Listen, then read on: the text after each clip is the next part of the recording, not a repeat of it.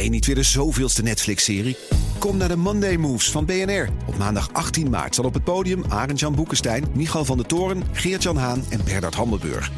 Ze hebben het over geopolitiek. Het is oorlog. Moeten we vechten, vluchten of bevriezen? Onder leiding van mij, Art Rooijakkers. 18 maart dus in het De La Mar Theater in Amsterdam. Check bnr.nl slash mondaymoves.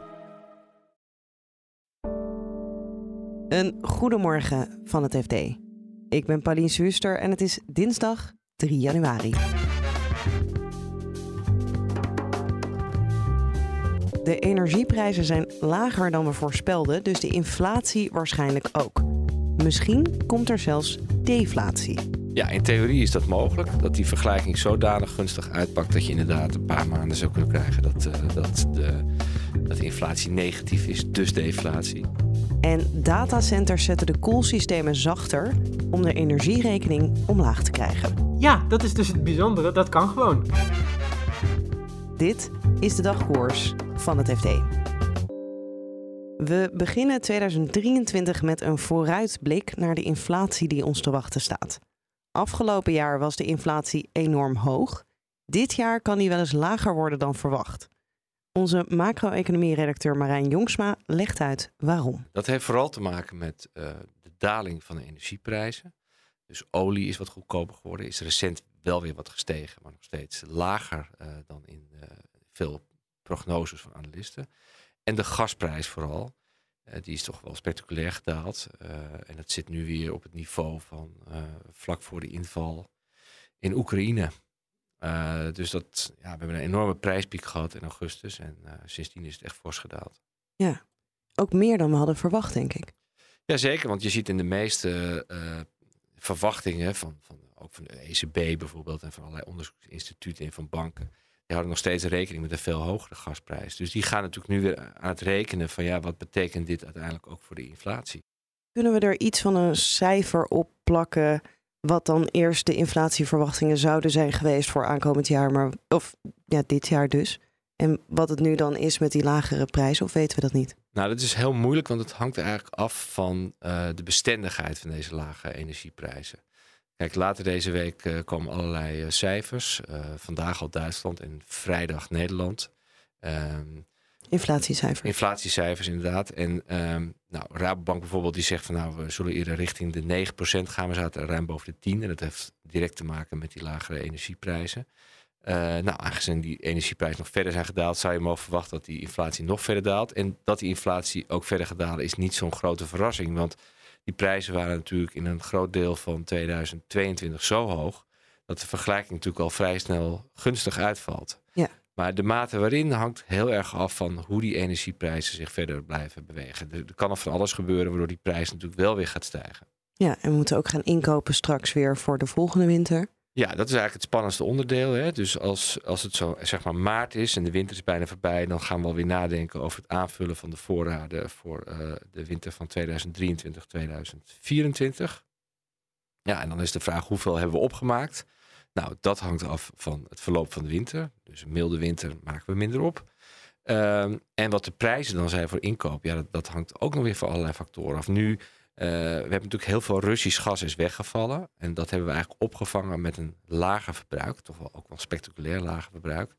Uh, dus zowel huishoudens als, uh, als fabrieken. Uh, maar ook omdat we heel veel LNG vanuit Azië hebben gekocht. Die hadden dat al ingekocht en die hebben dat gewoon doorverkocht. Omdat hier mee, meer mee is te verdienen. En dan zul je zeggen, ja, waar gaan ze dan zelf hun fabrieken mee laten draaien? Nou, dat doen ze dan op steenkool.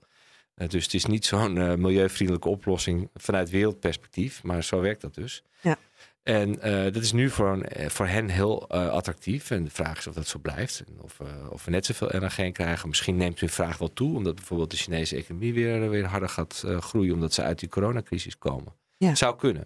En als de omstandigheden gunstig uitvallen voor de energieprijzen. Kan het dan ook zo zijn dat we deflatie krijgen in plaats van inflatie?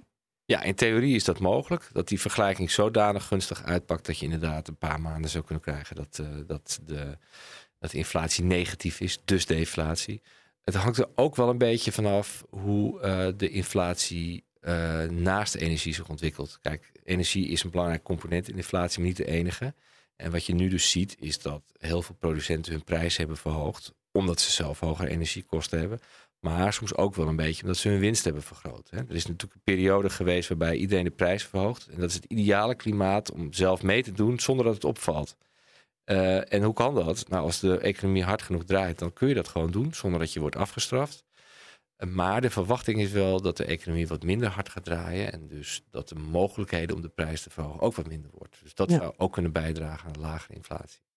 Als de inflatieverwachtingen inderdaad lager zijn dan verwacht, betekent dat dan ook dat de ECB minder hard hoeft in te grijpen dan ze nu aan het doen zijn? Nou, dat is een vraag die, uh, die analisten inderdaad hardop stellen ook. Van, moet de ECB nu wel zo hard ingrijpen? Ze hebben nu in een half jaar tijd hebben ze de rente met 2,5% punt opgehoogd. Dat is, dat is ongekend. Uh, en de effecten daarvan in de, in de economie, die zie je pas na maanden terug. Dus die zien we eigenlijk nog niet eens. Uh, dus de vraag is van ja, ze hebben al hard op de rem getrapt. Het effect daarvan zien we nog niet. Moet je misschien niet even wachten. Uh, kijken of dit niet genoeg is. Maar ehm, je kunt eigenlijk wel constateren dat de ECB zichzelf heeft vastgelegd op een pad naar nog meer renteverhoging. Dat hebben ze openlijk aangekondigd. Ze, stellen zich nu ook enorm havikachtig op. Hè. Ze zeggen inflatiebestrijding, dat is nu voor ons topprioriteit en we gaan daarmee door. Dus uh, voor hun geloofwaardigheid zou het wel slecht zijn waarschijnlijk als ze nu hiermee zouden stoppen. Dus ze zitten toch wel op het pad naar meer renteverhoging. En de vraag is dan, stel je voor de economie zakt wel erg terug en de inflatie ook. Ja, gaan ze dan daarmee door? Of, of gaan ze bijvoorbeeld eerder weer de rente verlagen naar het einde van 2023? Dat is allemaal uh, mogelijk natuurlijk jij zegt we zien de effecten nog niet echt, maar we zien in Nederland dan al wel gelijk dat de woningmarkt erop reageert. Zeker. De woningmarkt reageert als, als een van de eerste eigenlijk op zoiets. Kijk, investeringen en dat soort zaken, dat, dat is allemaal met een vertraging, dat is allemaal gepland. Maar op de woningmarkt zie je het eigenlijk meteen. Uh, want het is uiteindelijk de laatste huizenprijzen die bepaalt wat een woning waard is. Nou, die kan gewoon minder bieden, omdat die veel meer rente betaalt. En dan zie je direct terug dat, dat de huizenprijzen in, in waarde dalen. En dat is echt een hele belangrijke component voor de, voor de economie. Want als mensen uh, zien dat hun huizenprijzen dalen, ja, dan, dan zijn ze gewoon minder rijk. En dan worden ze ook voorzichtiger met aankopen van andere dingen. En los daarvan hangt er gewoon een hele sterke uh, sector om die woningmarkt heen. Hè? Dus uh, de nieuwbouw zakt nu ook terug. Hè? Dan ga je natuurlijk gewoon minder, minder aannemers krijgen minder werk. Maar niet alleen aannemers, maar ook keukenleveranciers, mensen die pakket leggen, gordijnen, noem maar op. Dus je ziet eigenlijk dat, dat een hele sector die een beetje vasthangt aan die woningmarkt, die gaat nu een klap krijgen. En dan gaan we naar Equinix, een Amerikaans bedrijf dat 11 datacenters heeft in Nederland. Die gaan daar de temperatuur verhogen om de energierekening omlaag te krijgen. Je hoort onze techverslaggever Stijn van Gils. Ja, er wordt nu koude lucht uh, een, een server ingeblazen. Uh, en die koude lucht die is nu bij Equinix ongeveer 23 graden. Uh, en ze willen die de komende tijd laten verhogen tot zo'n 26 graden. En dat kan gewoon? Uh, ja, dat is dus het bijzondere. Dat kan gewoon. alleen dat gebeurde tot nu toe niet. en, en dat komt omdat de... ja, er gebeurde best wel het een en ander bij datacenters ook. Bijvoorbeeld dat ze keken naar efficiëntere koelsystemen en zo. maar verder zijn datacenters ook wel behoorlijk, behoorlijk conservatief. En dat is omdat zij afgerekend worden op altijd dezelfde omstandigheden kunnen leveren. Uh, en uh, ja, hun klanten die dus die servers hebben, die willen ook dat die apparatuur gewoon 24 uur per dag aanstaat. en op het moment dat je omstandigheden hebt die daar goed voor zijn, dan wil je daar eigenlijk niks meer aan veranderen. Er is denk ik wel een soort maximum naar hoe warm het daar kan worden. Want ik neem aan dat je koelt om te zorgen dat die apparaten goed blijven functioneren. Ja, ja, ja. Dat kan dus best nog een stuk heter ook dan die 26 graden. Um, maar op een gegeven moment dan gaat die apparatuur zelf zijn, zijn ventilator aanzetten. Ja, dat is ook weer niet heel goed, want dat, dat uh, kost natuurlijk ook weer stroom. En als je dan aan de ene kant bespaart en aan de andere kant ben je weer extra kwijt, dan uh, ben je ook niet veel verder weg van huis. Ja, en er moeten wel mensen in werken natuurlijk in die ruimtes. Dus. Ja, en je kunt ook niet zomaar even zeggen van nou, doe de gang tijdelijk even wat koeler. Want waar apparatuur dan weer slecht tegen kan, uh, is als de, de temperatuur de hele tijd varieert. Ja. Dus daarmee vraag ik me af of het praktisch heel veel hoger dan die, dan die 26 graden kan worden. Hoeveel levert dat dan op als je dat bespaart? Die um, 3 graden. Ja, dat, dat, dat, varieert een klein beetje. Uh, maar ongeveer een derde gaat op aan, uh, aan de koeling, normaal gesproken. en elke graad dat het warmer kan blijven, betekent dat, dat er 4% punt minder energie nodig is voor die koeling. Dus ja, al met al kan het wel behoorlijk besparen. Ja. Hebben ze nog andere ideeën behalve deze temperatuur naar beneden zetten? Um, minder ver naar beneden zetten eigenlijk? Uh, ja, er wordt continu gekeken of dat uh, koeling efficiënter kan. Er uh, begint ook langzaam te komen om niet met lucht te koelen, maar met vloeistof. en vloeistof geleidt vaak een heel stuk beter, dus dat, dat koelt ook een heel stuk beter. En dat, dat kan dan een stuk efficiënter.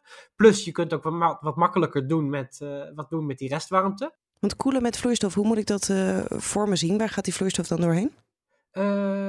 Ja, varieert ook weer. Maar je kunt uh, je kunt koelen door, um, uh, door echt bepaalde componenten in zo'n server die, die het meeste warmte produceren, om daar alleen maar vloeistof heen te laten lopen.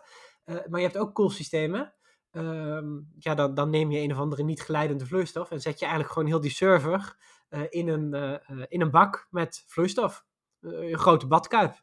Eh, en zo'n server kan er ook anders uitzien, uh, want die heeft dus al die ventilatoren en zo niet meer nodig. Uh, en dat is wel grappig. Ik ben wel eens in een, ja, op een plek geweest waar, waar ze met vloeistof koelen. en dan hoor je dus ook bijna niks. Want al het geluid in, in, van computers en datacenters zijn toch vooral de ventilatoren die draaien. Maar dit is nog een beetje toekomstmuziek dat dat groot over de datacenters wordt verspreid. Ja, ja, ja, de, de meningen variëren erover uh, of dat dit, uh, dit de toekomst gaat worden. Uh, het is natuurlijk ook zo dat datacenters heel veel geld geïnvesteerd hebben in hun bestaande koelsystemen. En ja, dan overschakelen naar heel wat anders, dat, dat doe je ook niet heel graag. en ja, vloeistofkoeling kan ook wel weer rotzooi geven. En je wil juist een datacenter heel, scho heel schoon houden.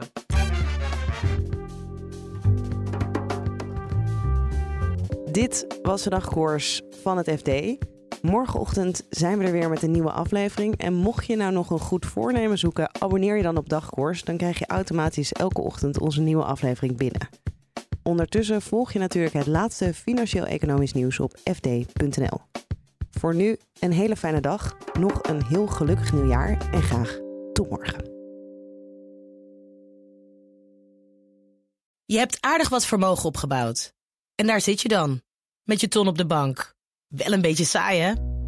Wil jij, als belegger, onderdeel zijn van het verleden of van de toekomst?